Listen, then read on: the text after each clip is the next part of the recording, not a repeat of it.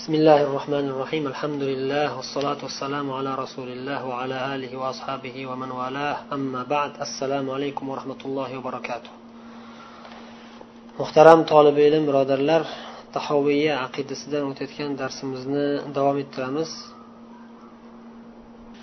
bugungi darsimizda imom tahoviyning quyidagi so'zlariga izoh berib o'tamiz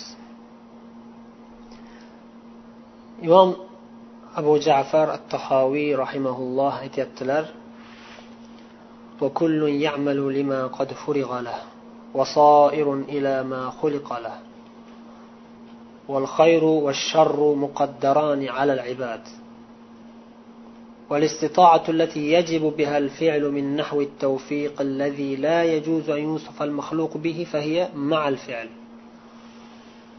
وأما الاستطاعة من جهة الصحة والوسع والتمكن وسلامة الأدوات فهي قبل الفعل وبها يتعلق الخطاب وهو كما قال الله تعالى لا يكلف الله نفسا إلا وسعها.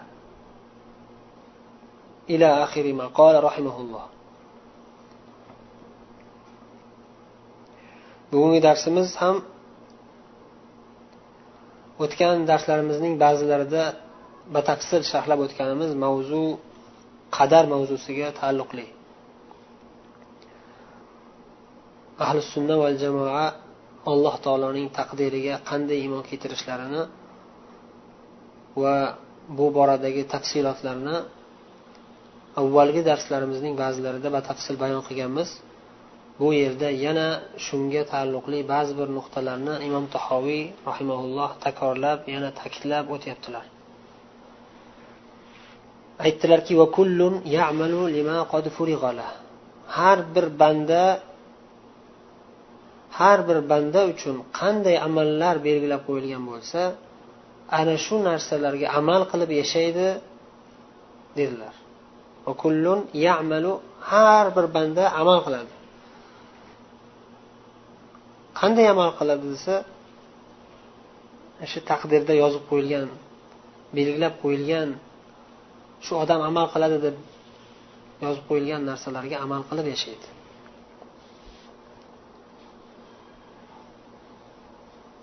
Ya'ni yo do'zaxiy amallar yoki jannatga olib boradigan amallarga amal qilib yashaydi.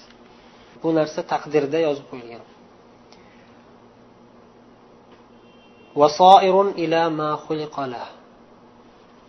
Va har bir banda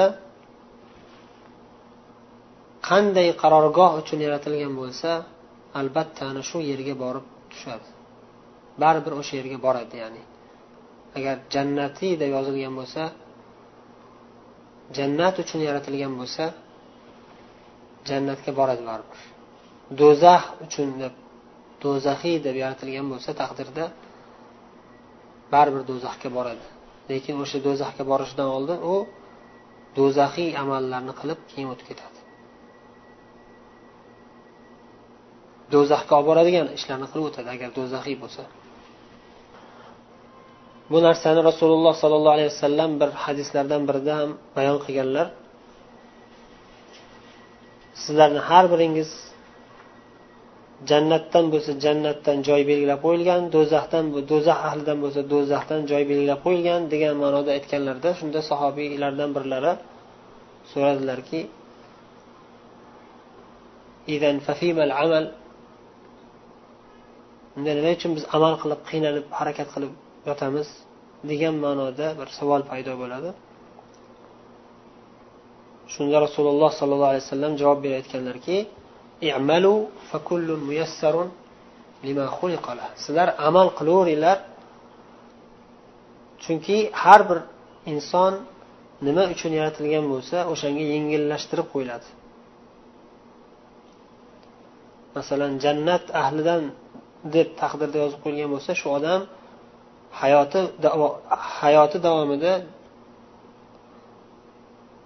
hayotida umuman jannatga olib boradigan amallarni qilib yashaydi. Bu asl odat. Aksar holatlarda shunday bo'ladi. Ba'zida yana bir hadisda aytganlaridek do'zax ahlidan bo'lishiga sabab bo'ladigan amallarni qilib yashab yashab umrini oxiriga borganda alloh hidoyat berib jannat ahlini amalini qilib o'tib ketishi ham mumkin.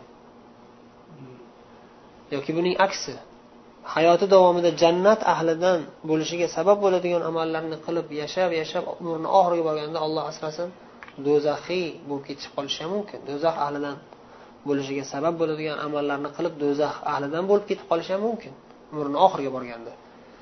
Lekin bu kamroq bo'ladi. Asl qoida asl tartib bo'yicha aksar holatlarda haqiqiy mo'min odam butun hayoti mobaynida jannat ahlini amalini qilib yashaydi kofir munofiqlar butun hayoti mobaynida do'zax ahlidan bo'ladigan ishlarni qilib o'tib ketadi. Nima bo'lgan taqdirda ham bu narsalar hammasi taqdirda yozib qo'yilgan. Azaldan azalda deb aytmaymiz ya'ni taqdirda yozib qo'yilgan. Taqdir qachon yozilgan? O'tgan darslarimizda bayon qilganmiz. Alloh azza va jalla osmon yerlarni yaratishidan ellik ming yil oldin lavhul mahfuzga yozdirib yozib qo'ygan qalamga buyurib lavhul mahfuzga qiyomatgacha bo'ladigan barcha narsalarni yozdirib qo'ygan alloh azza va jalla. Hadisda shunday kelgan hadisda shunday ellik ming yil deb kelgan biz qanday kelgan bo'lsa shunday deb aytamiz. Demak imom tahoviyning bu so'zlari hadisdan olingan. Har bir inson har bir banda inson deganda nafaqat inson jinlar ham kiradi. Har bir banda desak to'g'riroq bo'ladi. Har bir banda belgilab tayinlab qo'yilgan narsalarga amal qilib o'tib ketadi. Har bir banda uchun qanday amallar belgilab qo'yilgan bo'lsa ana shu narsalarga amal qilib yashab o'tadi. Va u banda وكل يعمل لما قد فرغ له وصائر إلى ما خلق له. va u banda qanday qarorgoh uchun yaratilgan bo'lsa albatta ana shu yerga borib tushadi. Keyingi nuqtada aytdilarki val xayru va sharru muqaddarani alal ibad val xayru va sharru muqaddarani alal ibad bandalarning boshlaridan o'tadigan yaxshiliklar ham yomonliklar ham taqdirda avvaldan bitib qo'yilgan. Ya'ni hech qaysi bir insonni boshiga hech qanday bir musibat yoki hech qanday bir ne'mat nasib bo'lmaydi agar taqdirda yozilmagan bo'lsa. Taqdirda yozilgan narsa bo'ladi. Hamma yaxshiliklar va hamma yomonliklar hammasi taqdirda yozib qo'yilgan. Mana shunday deb iymon keltiramiz. Bu iymon ruknlaridan biri. Iymonning oltita ruknidan biri taqdirga iymon keltirish. O'tgan darslarimizda bayon qilganimizdek endi bu yerda ba'zi bir savollar tug'ilishi mumkin. Avvalgi darslarda ham aytib o'tganmiz. Yana bir bor ta'kidlab eslab o'tsak zarar qilmaydi. Insonni hayoliga shayton shunday masalalarni paydo qilib olib keladiki taqdirda mo'min yoki kofir bo'lishi yozib qo'yilgan bo'lsa hamma narsa taqdirda yozib qo'yilgan bo'lsa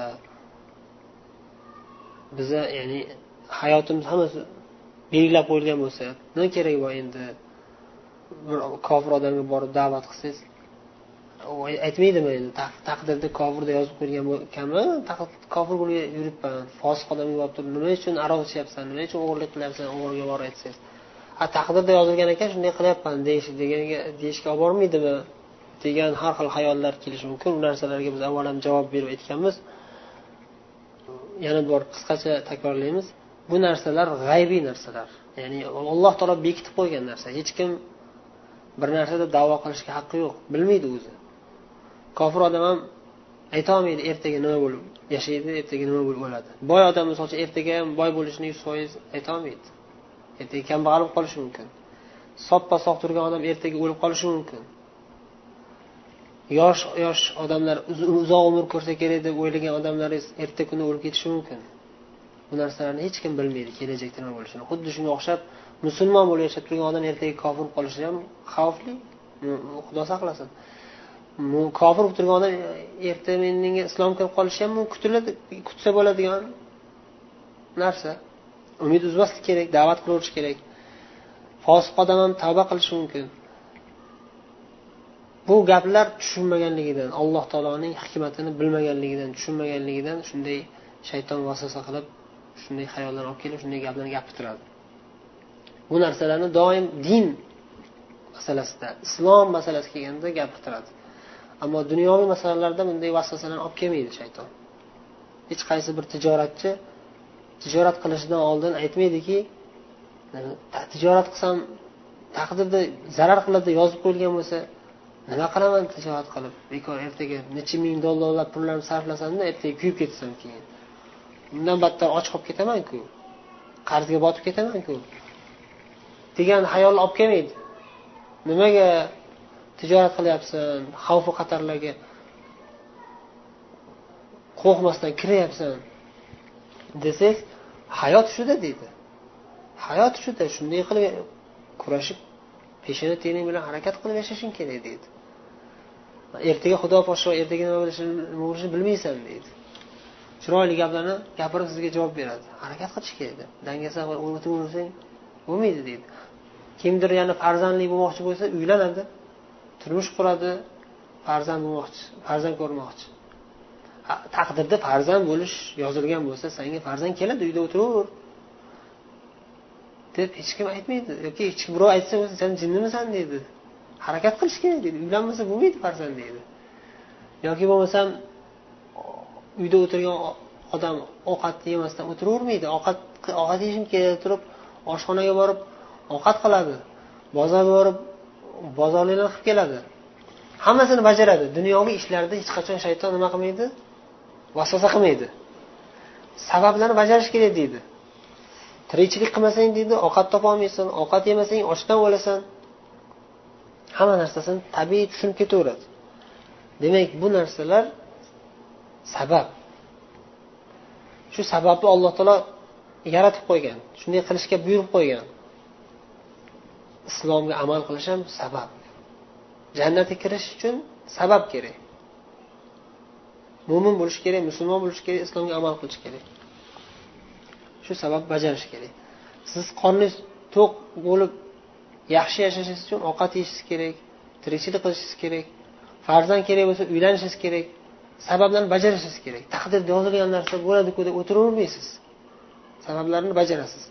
Xuddi shunga o'xshab alloh taoloni jannatiga kirmoqchi bo'lsangiz alloh taolo sababni ko'rsatib qo'yibdi. Jannat kerakmi? Iymon keltiring amal qiling deb qo'yibdi. Shu sabab bajaring degan. Endi kim haqiqatda shu sabab bajaradi? Butun hayotida oxirida o'layotganda ham kim iymon bilan o'ladi uni olloh biladi biz bilmaymiz. Olloh taqdirda bitib qo'ygan siz oxiri oqibatda siz nima bo'lib o'lasiz nima bo'lib yashab nima bo'lib o'lasiz? Olloh bitib qo'ygan taqdirda. Buni aniq iymon keltiramiz. Ammo hech kim davo qilolmaydi. Man yuz foiz mo'min bo'lib o'laman deb. Kelajakda ertaga bu nima bo'lishini hech kim aytolmaydi qur'onda alloh taolo beshta narsani g'ayb kalitlarini hech ollohdan boshqa hech kim bilmasligini xabar berib qo'yganday.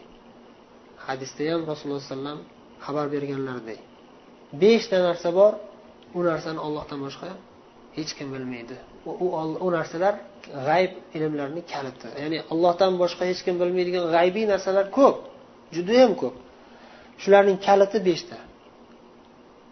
Shularning kaliti beshta. G'ayb kalitlari. Mafatihul g'oyib deyiladi.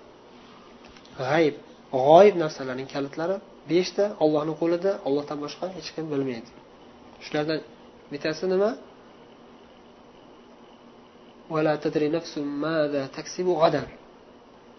Hech qaysi bir jonzot ertaga nima qilishini ham bilmaydi. Taxmin qilib reja qilib yuraveradi. Bu narsa talab qilinadi hatto.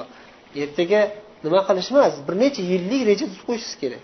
Talab qilinadi sizdan kelajakda mana bunday ishlar qilishimiz kerak mana bunday ishlarni qilishimiz tartib bilan rejalarni tuzib harakat qilaverish kerak. Bu narsa talab qilinadi. Lekin hech hech qachon hech kim qat'iy shu narsa albatta amalga oshadi deb aytolmaydi ollohdan boshqa hech kim bilmaydi. Va xuddi shuningdek yana bittasi nima? Hech qaysi bir jonzot qaysi joyda o'lishini ham bilmaydi. O'zi o'zbekistonlik bo'lsa saudiyada bo'lishi mumkin makkada bo'lishi mumkin. Yoki o'zi makkalik bo'lsa amerikaga ketib o'lishi mumkin. Makkalik bo'lsa makkada o'lishi ham mumkin.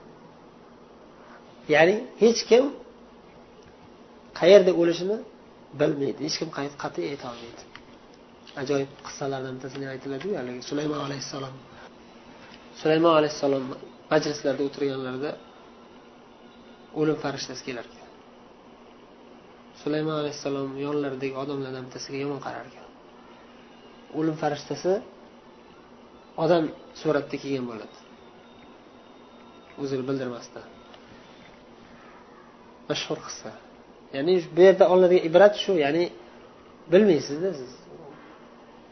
Bu xayolingizga shunday narsalarni taqdir qilib qo'yadi o'sha narsaga binoan to'satdan bir ish qilib qo'yasiz uni oqibati siz umuman o'ylamagan narsalarga olib ketib qoladi maqsad taqdir mana shunday taqdirga iymon keltirishimiz kerak va taqdirga iymon keltirishimiz bilan birga sabablarni inkor qilmasligimiz kerak.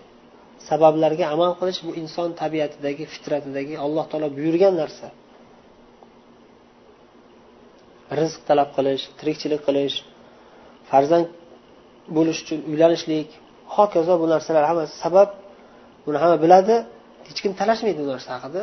Lekin dinga kelganda diniy sabablarga kelganda shayton vasvasa qilib hayolini bo'lib fitna qilishga harakat qiladi olloh asrasin. Amal qilmaysizmi? Namoz o'qimaysizmi? Ro'za tutmaysizmi desa ha jannatiy bo'lsak jannatiy bo'lamizda do'zaxiy bo'lsak do'zax taqdirda yozib qo'yilgan biz qayerdan bilamiz deb vasvasa qiladi. Olloh asrasin.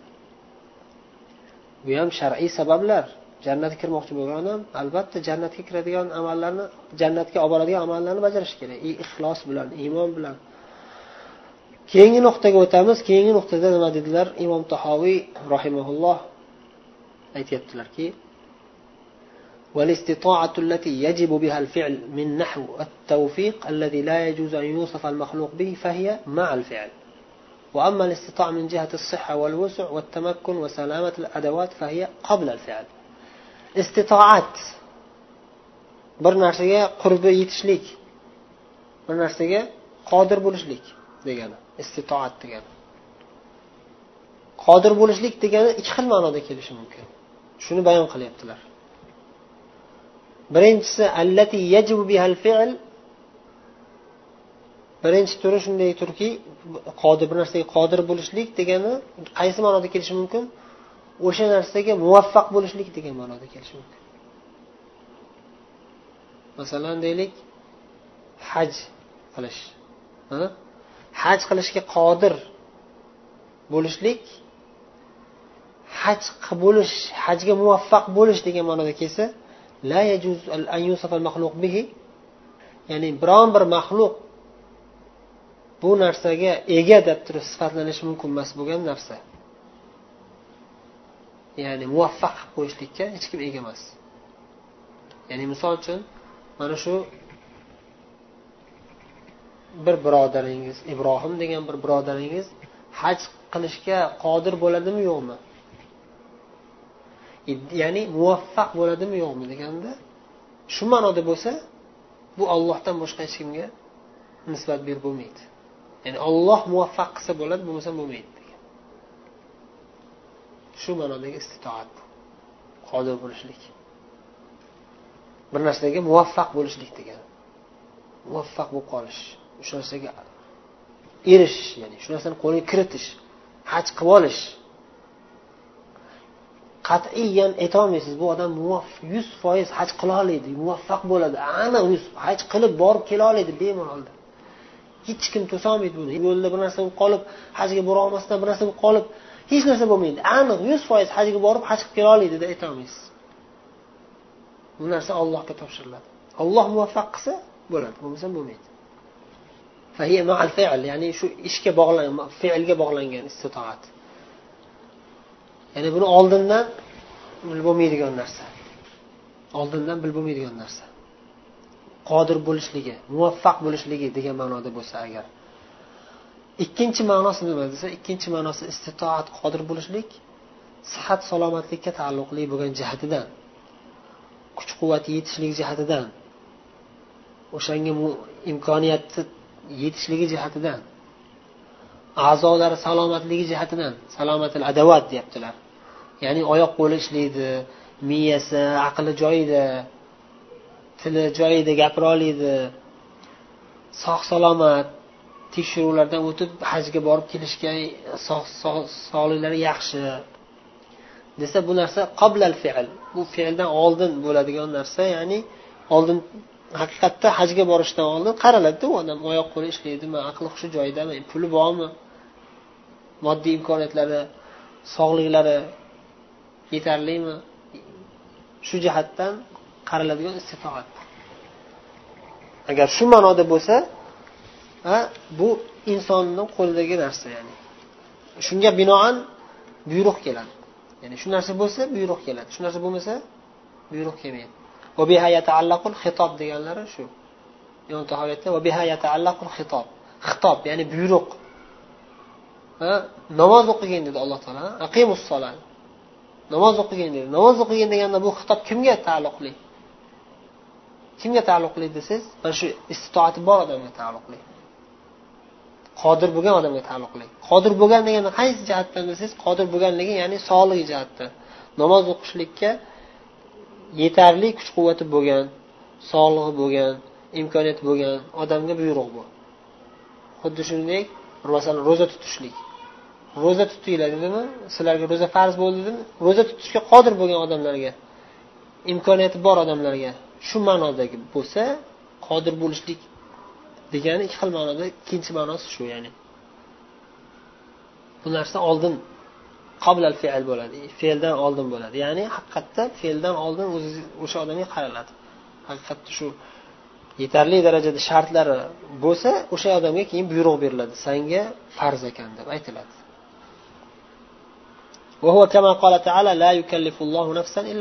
Alloh taolo hech qaysi bir jonzotga hech qanday bir vazifa yuklamaydi. Illa usaha magaram o'sha odamni qurbi yetadigan vazifalarni buyuradi dedi alloh taolo. Ya'ni namoz hech kimga farz bo'lmaydi. Illo qurbi yetadigan odamga farz bo'ladi. Ro'za hech qachon hech kimga farz deb aytilmaydi illo agar o'sha odamni qurbi yetadigan bo'lsa farz bo'ladi. Qurbi shartlari bo'lsa ya'ni o'ziga yarasha shartlariga loyiq odam bo'lsa keyin ro'za farz bo'ladi. Ikki yoshli uch yoshli chaqaloqqa ro'za farz bo'lmaydi hech qachon namoz farz bo'lmaydi hech qachon. Chunki unda istitoat qodir bo'lishlik yo'q. Mana shu ikkinchi ma'nosi yo'q. Lekin kim namoz o'qiydi desangiz kim namoz o'qiyapti desangiz qodir bo'lgan odam namoz o'qiyapti desa bu yerda qodir bo'lgan deganda muvaffaq bo'lgan odam ma'nosiga kelsa bu ollohni qo'lida. Ya'ni misol uchun oddiy misol abu tolib payg'ambarimiz sallallohu alayhi vasallam amakilari payg'ambarimiz alayhisalom qancha harakat qildilar shu odam musulmon bo'lishiga? Judayam yaxshi odam edi. Payg'ambarimizni himoya qilgan edi boshqa edi. Lekin baribir musulmon bo'lmadi u odam. Kofir o'lib ketdi. Nimaga? Chunki olloh muvaffaq qilmadi. Muvaffaq bo'lmadi. Shuning uchun alloh taolo aytdiki o'shanda kofir o'lgandan keyin payg'ambarimiz siqilib qolganlarida olloh oyat nozil qilib aytganki innaka la tahdi man ahbabta yahdi man yasha.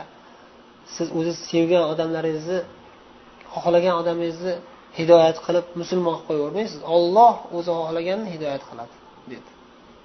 Demak bu muvaffaq bo'lishlik degan ma'no muvaffaq bo'lish o'sha narsaga erishish o'sha narsani mukammal bajarib muvaffaq bo'lish degan istitoat bu faqat ollohga xos deymiz.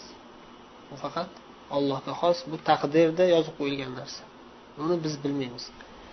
Agar qodir bo'lish istitoat qodir bo'lish degani qaysi jihatdan desa ya'ni sog'lig'i jihatdan imkoniyati jihatdan a'zolari salomatligi jihatdan desak bu insonga taalluqli.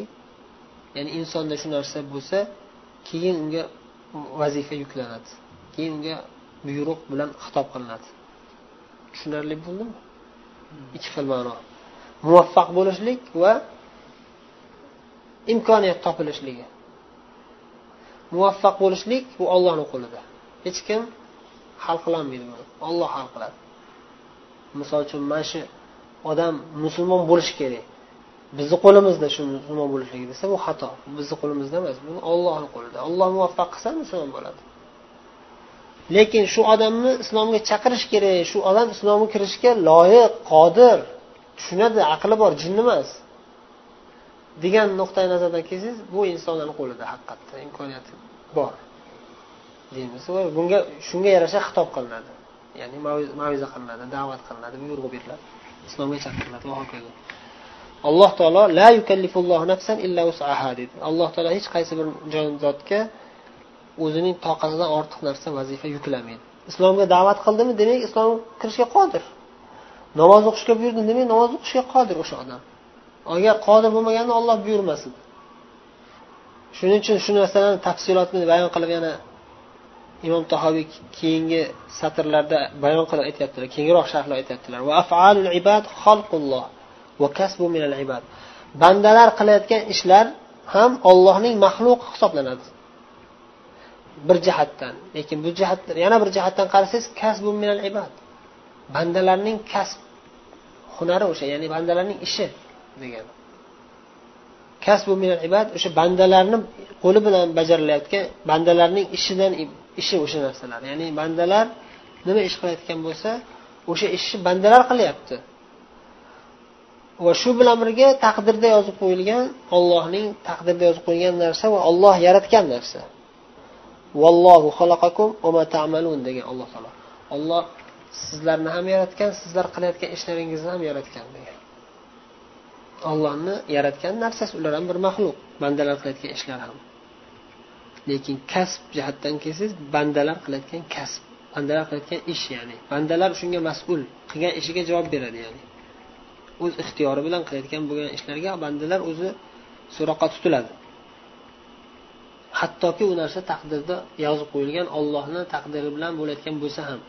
Lekin bandalarni o'ziga yarasha olloh ixtiyor berdimi o'ziga yarasha kuch quvvat berdimi o'sha bilan qilyaptimi o'shaning uchun o'shanga yarasha so'roqqa tutiladi. Hisob kitob qilinadi.